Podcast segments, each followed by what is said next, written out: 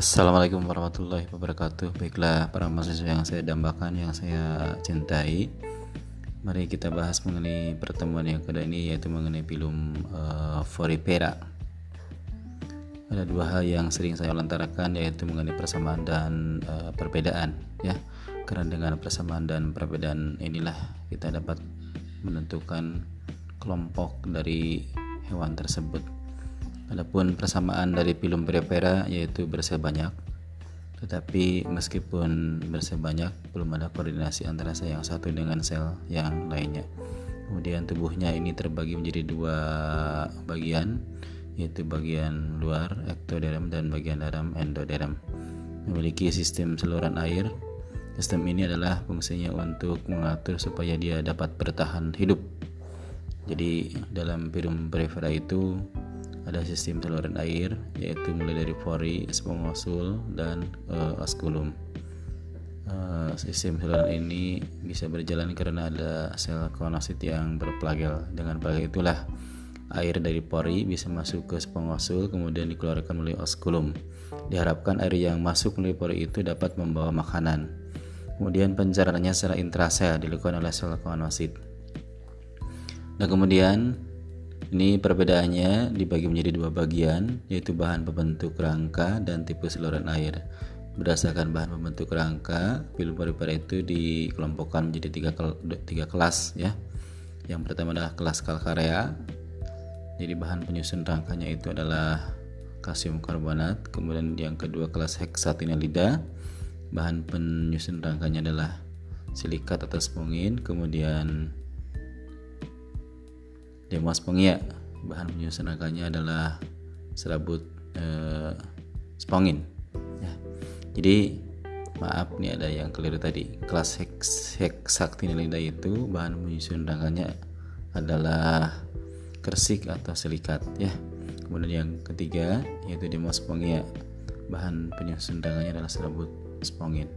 Ini berdasarkan tipe saluran air Film pari ini terbagi menjadi tiga tipe yaitu tipe askon, sikon dan e, lukon ya. Jadi askon, sikon dan lukon. Nah, untuk selanjutnya silahkan informasi apa yang bisa Anda tambahkan setelah Anda melihat e, bagan seperti itu kemudian sampaikan ke email yang sudah disampaikan di pertemuan pertama. Terima kasih.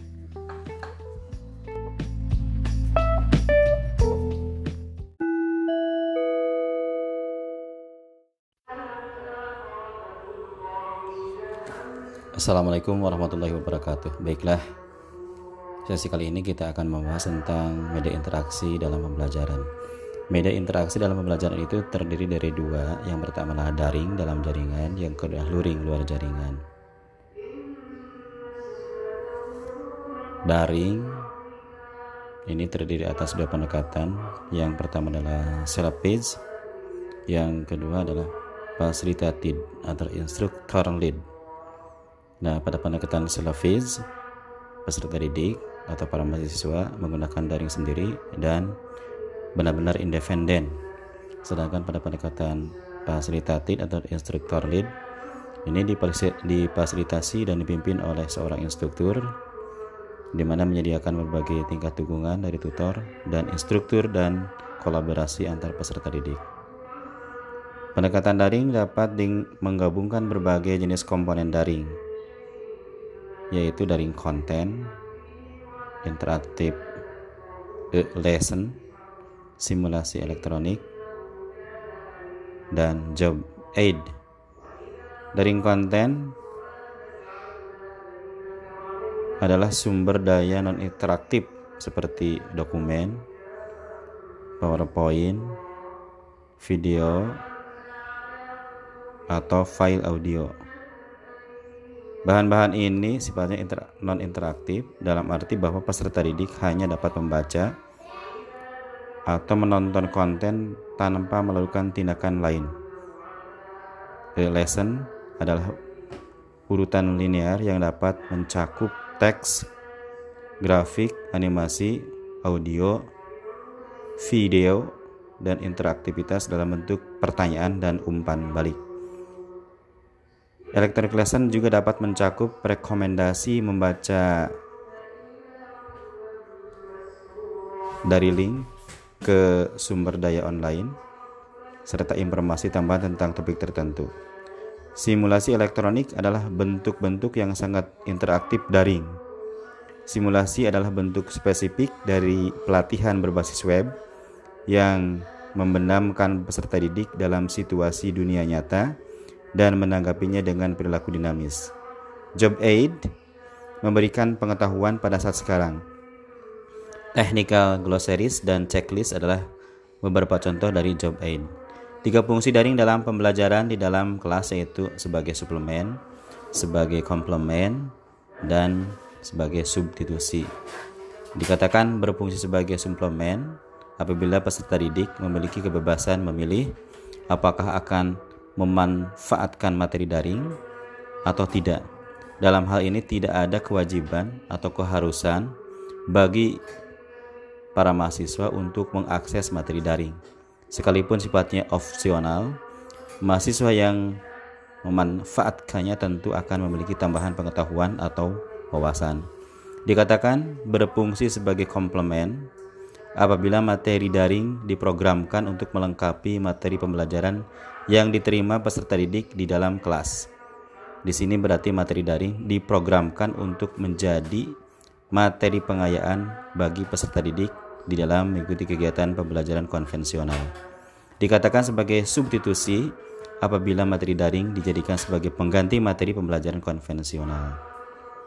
Penggunaan pembelajaran daring akan menjadi sangat efektif jika memenuhi komponen esensial dalam pembelajaran yaitu diskursif atau logis, yang kedua adalah adaptif, yang ketiga adalah interaktif, dan keempat adalah reflektif.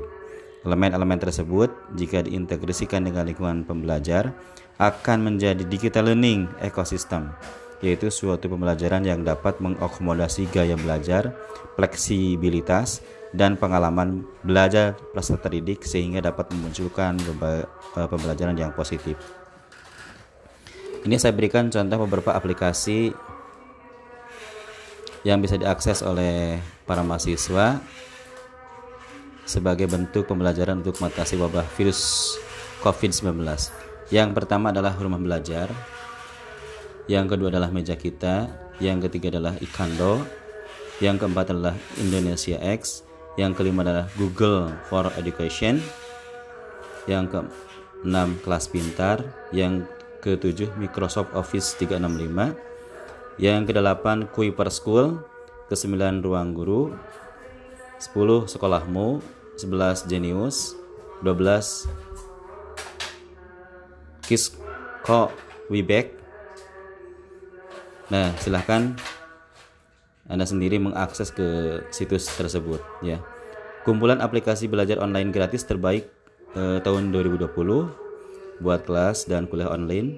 Yang pertama adalah Ruang Guru, yang kedua rumah belajar, yang ketiga Google Classroom, yang keempat Edmodo, kelima Quiver, keenam Genius, tujuh kelas kita, delapan Brandly, sembilan Pahamify, dan ke sepuluh Bimbel Smart.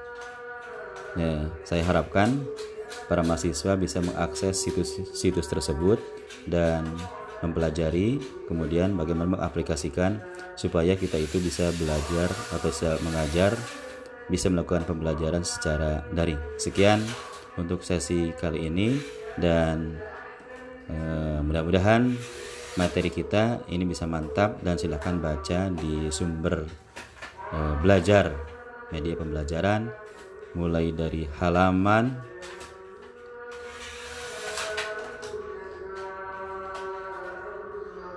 148 ya sampai dengan halaman